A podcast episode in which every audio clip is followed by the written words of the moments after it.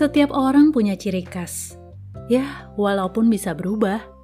Namun karakter kuat yang melekat membuat orang dapat dengan mudah menengarai bahwa ia itu memiliki sifat yang demikian.